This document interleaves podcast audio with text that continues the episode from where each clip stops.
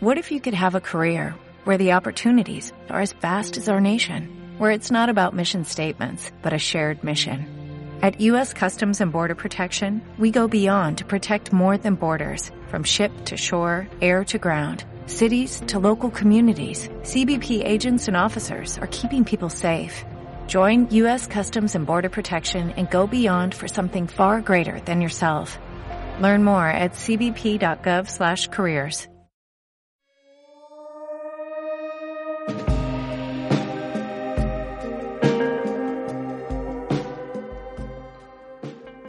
Benvingudes al tercer episodi de l'Umbral. Moltes gràcies per escoltar els episodis anteriors. Sí, moltes gràcies a totes les persones que ho comparteixen. Sí, ens fa moltíssima il·lusió. De fet, tenim 17 followers em, A Spotify. Spotify uh! i estem molt contents. I 97 persones que han donat a començar en el, algun episodi. Sí, que els hagin acabat ja no n'hi ha tantes, però és igual.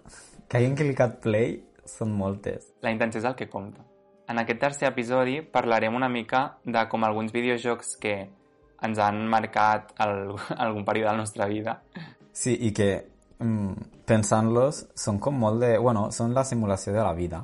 Sí. I, i per què ens interessa jugar a tindre una altra vida? No sé. Com aquests videojocs que simulen la vida real acaben incorporant una sèrie de polítiques que potser inconscientment no és la primera intenció dels videojocs, Sí, o sigui, parlarem una mica de tot el que els videojocs volen retratar la vida real, entre cometes. En plan, també acaben incorporant altres coses que ara parlarem. Doncs bé, comencem amb el primer videojoc i el com més icònic de uh, estar parlant de, de una simulació de la vida, que és la saga dels Sims.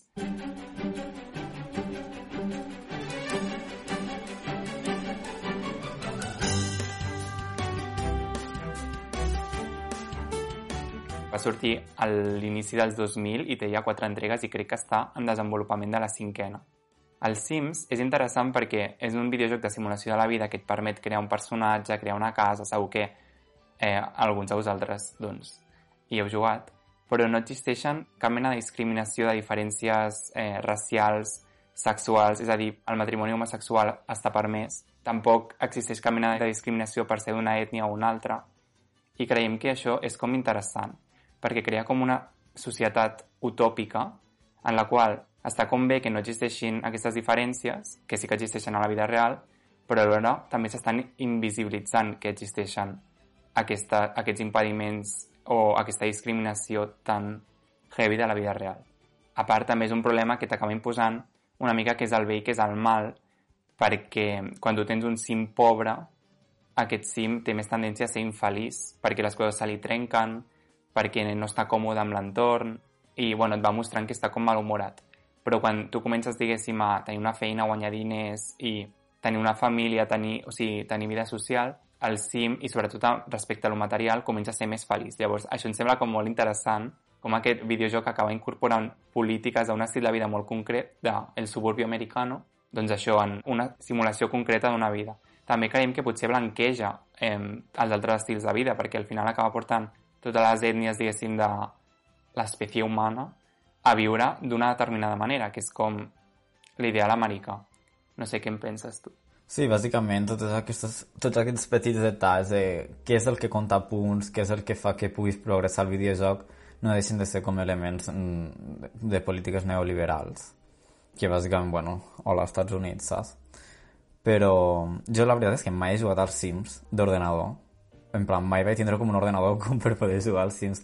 En, o no sé, o, no eren com suficient potents per jugar perquè jo jugava com a consoles. Això és molt, molt mal.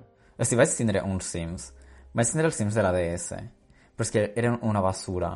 O sigui, no recordo haver jugat en plan més de dues hores a aquell, a aquell joc. Perquè és que no, no, no es podia fer en plan totes les coses que veia que es podien fer als de l'ordenador, saps? No sé, sé que era com super avorrit i, i no entenia què havia de fer. I vaig dir, bueno, bye, saps? Pels que us interessa el món dels Sims, ara mateix hi ha un altre joc de simulació de la vida que li farà la competència als Sims que està en desenvolupament, que es diu Paralives. Paralives, bueno, el nom fa referència com a les vides paral·leles que pots tenir en el joc, i és exactament el mateix que els Sims, és a dir, tu pots crear un personatge, una casa i tenir com un, una vida social i laboral amb aquest personatge, però la diferència és que el Sims es juga amb un món tancat, és a dir, tu eh, estàs molt limitat a triar les opcions que el joc et dona. Triar els mobles, triar els solars, triar no sé què. En canvi, eh, bueno, aquest joc s'està desenvolupant perquè es jugui en un món obert i també, o sigui, s'està creant a partir de tota la base de fans dels Sims. A partir de Twitter i la web de Paralife, si busqueu al seu creador Àlex Massé, que és, de, és un, canad un noi canadenc, que és el que està portant el desenvolupament del joc, que crec que ja porta més de dos anys. Vull dir que crec que quan surti serà com una alternativa viable de món obert als Sims. Com a curiositat, encara no podem valorar si incorpora polítiques neoliberals o no, possiblement, però eh, bueno, serà interessant veure com, com es relaciona amb el que amb l'herència, diguéssim, dels Sims. I bé, jo... És que, com he dit, sempre havia jugat a consoles, mai havia jugat a ordenador, però tinc el meu referent, que és el que m'ha inculcat tots els meus valors neoliberals, que és l'Animal Crossing.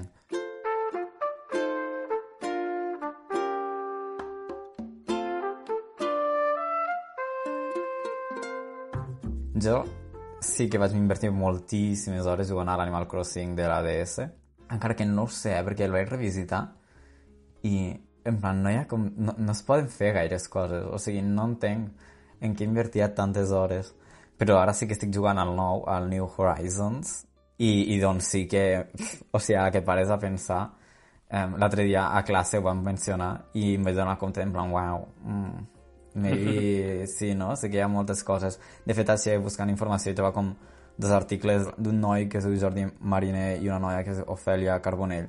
En plan, que buscant per internet, eh? tampoc ara parlaré molt d'això, però que fan com una reflexió interessant sobre totes aquestes polítiques neoliberals i tot el sistema que imposa. I bueno, és que de fet és que des de que comences el joc estàs... O sigui, el joc és que bàsicament has de pagar al Tom Nook la teva hipoteca des del minut 1, vull dir, no tens moltes més opcions.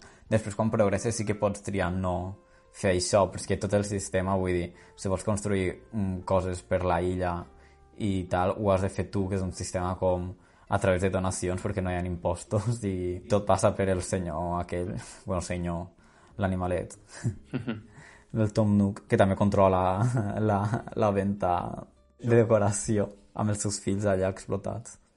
És curiós perquè és un joc en plan amb un ritme molt, molt diferent tot i que jo no hi jugui tant, o sigui, hi he jugat com algun cop, um, com amb un ritme super diferent al dels Sims, no? O sigui, té com un clima de tranquil·litat, sí. Gairebé de meditació. Sí, sí, sí. O sigui, els meus pares quan em veuen jugar diuen en plan, és que no, en plan, com pots jugar amb això? Ma germana ho va intentar i es va avorrir al cap d'un quart d'hora, saps? Però no sé, o sigui, és posar-t'hi. Perquè, o sigui, no és tan ex extrem. A veure, els Sims no són extrems, però jo que a l'Animal Crossing no pots morir, a veure, els Sims poden ser extrems, eh? Pots acabar matant els teus personatges. A l'Animal Crossing això no passa, però sí que doncs totes aquestes dinàmiques econòmiques sí que, sí que hi són i que sí que el planteges en plan, vull dir, podries no fer el que et diuen perquè tampoc és que t'ho imposin, perquè no passa res literalment si no ho fas, però lo divertit és aconseguir pagar la hipoteca en plan, o les obres per millorar la teva casa i anar construint noves coses, perquè si no, o sigui, al final sí que t'estanques una mica. I bé, a part, crec que la, una cosa bastant evident que... Perquè, perquè clar, tot això està enfocat més com un públic infantil, encara que jugui moltíssima gent gran, no? Perquè són animalets i és com tot molt innocent.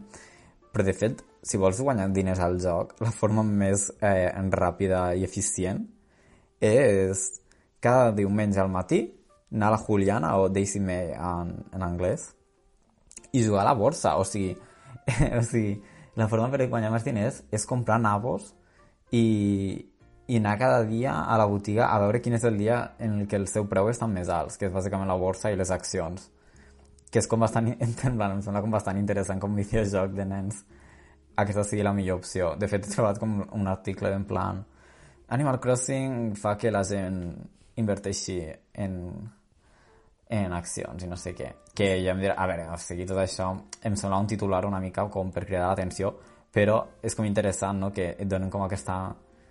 O sigui, t'ensenyen que una forma de guanyar molts diners ràpid és fer això. Invertir en... A veure, de manera indirecta t'ho estan dient. Sí, sí, sí.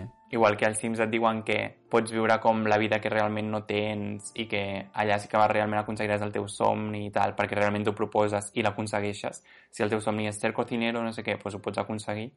Doncs aquí igual.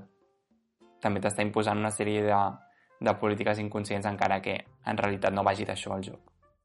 Bueno, d'altra banda, hi ha un altre eh, videojoc que es diu SimCity, també d'ordinador, i també hi ha una aplicació per, per mòbils i tablets que és bastant igual i està molt bé.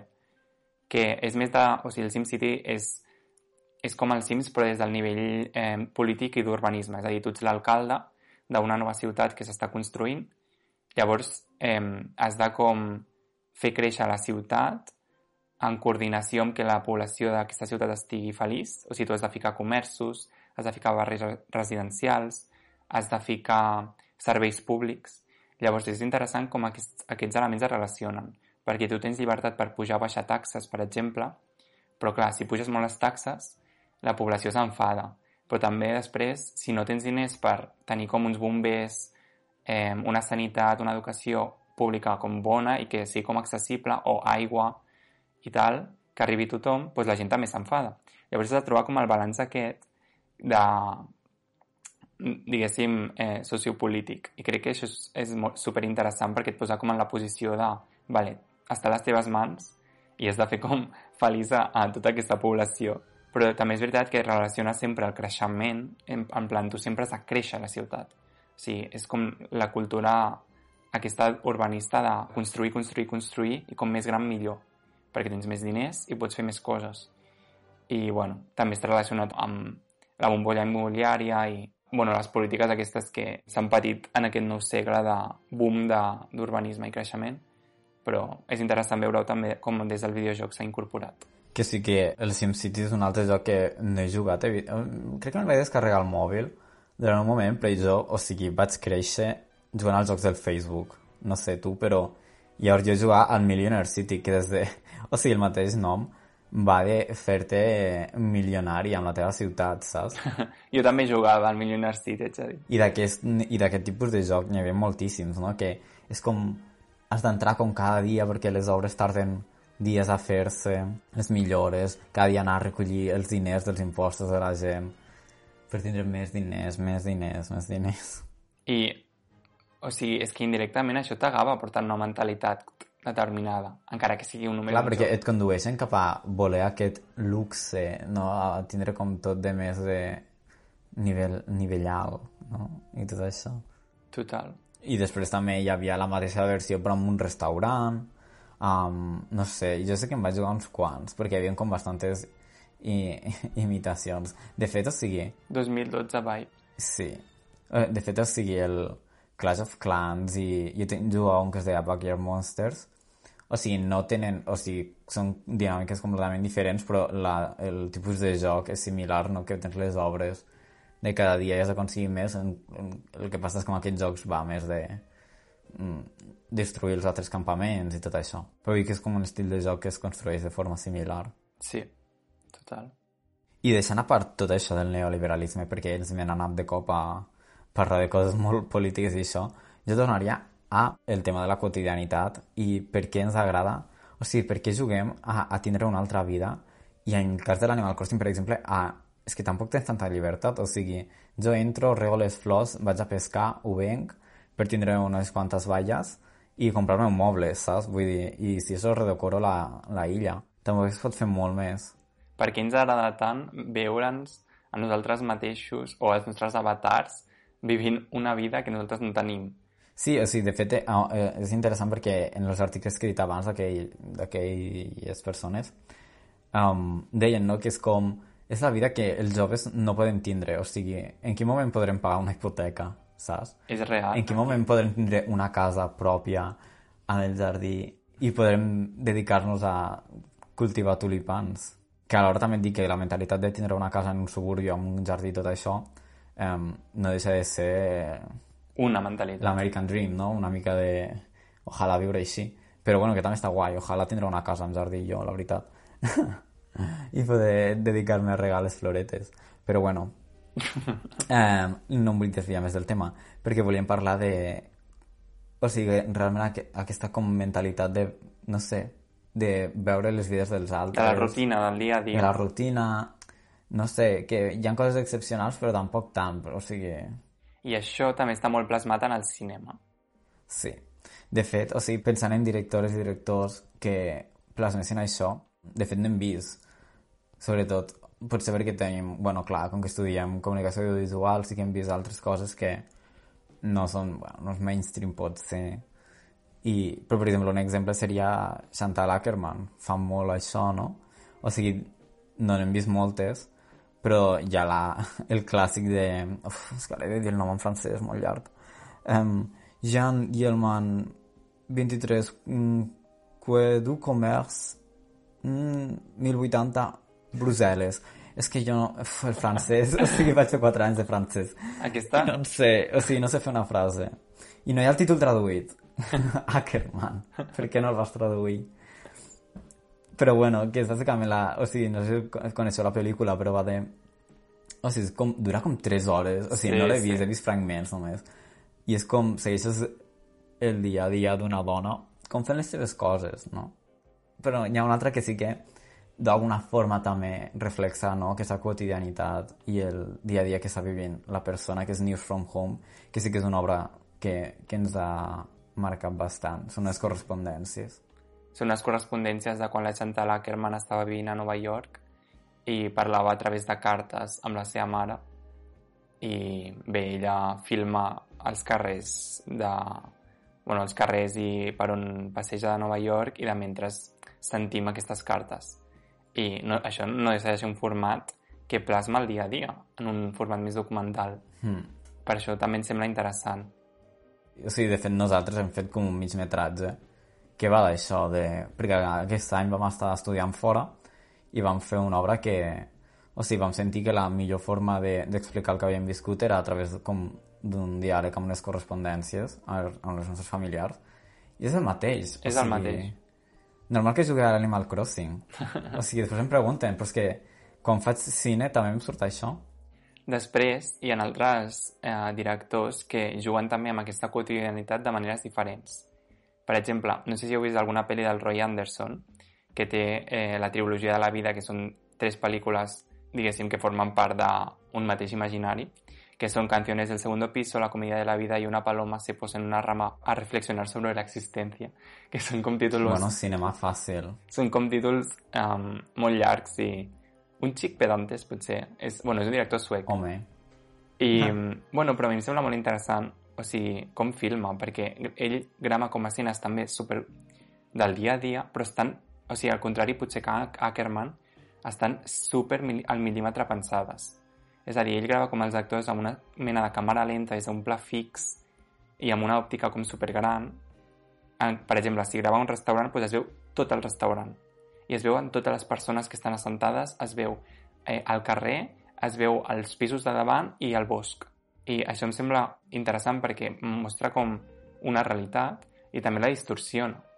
Perquè, al contrari d'Ackerman, que mostra potser com moments concrets i un cercle rutinari, Anderson extreu moments que són com significatius per si mateixos i que denoten o connoten una realitat més gran. L'any passat va guanyar el Lleó de Plata amb una pel·li que està filming, bueno, totes estan a filming, eh? que es diu eh, About Endlessness, sobre lo infinito, i a mi d'aquesta és, és de, crec que és la que m'agrada més. És super interessant, crec, el seu tipus de cine. Crec que et pot agradar o no, però perquè, vull dir, és molt concret, és lent i tal. Però, com la vida misma. Com la vida Lenta. misma. vull dir, no sé, mireu-la. Jo l'he de veure encara. Només n'he vist una, que és la de Canciones del segundo piso, i m'agrada bastant, la veritat. He de seguir. També maquilla els actors de, de com color blanquinós i semblen com maniquís. No sé, és interessant. Clar, és un dia a dia, però molt... ex- O sigui, no com... O sigui, és com el quotidià, però d'aquells personatges, però no és com realista, No, del que diguem. no, no, no. És super irreal. El que jo vol aconseguir amb aquestes escenes és com mostrar com problemes reals.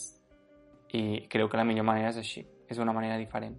I també una altra pel·lícula que, que hem vist com recentment, podríem dir, és Echo, de Runar Runarsson, que és un director islandès. I, Avui estem amb els nòrdics. Sí, avui hem dit, bueno, cine europeu. alternativo. La proposta de la pel·lícula són com 50 i algo escenes, com de pla fix, crec recordar, de diferents persones que reflexaven la societat eh, islandesa. Durant el període de Nadal, només. Sí. I és també curiós perquè per fer aquesta pel·lícula va utilitzar, o sigui, no va utilitzar actors, igual que el Roy Anderson, i també moltes escenes les va incorporar durant el rodatge amb les situacions que s'anava trobant. I són, igual que el Roy Anderson, escenes des d'un pla fix, com tu has dit, d'una situació concreta, i, però aquests personatges ja no tornen a sortir, mai més. I, No, són com escenes independents sí, i tu vas construint com la idea de la societat eh, islandesa. islandesa.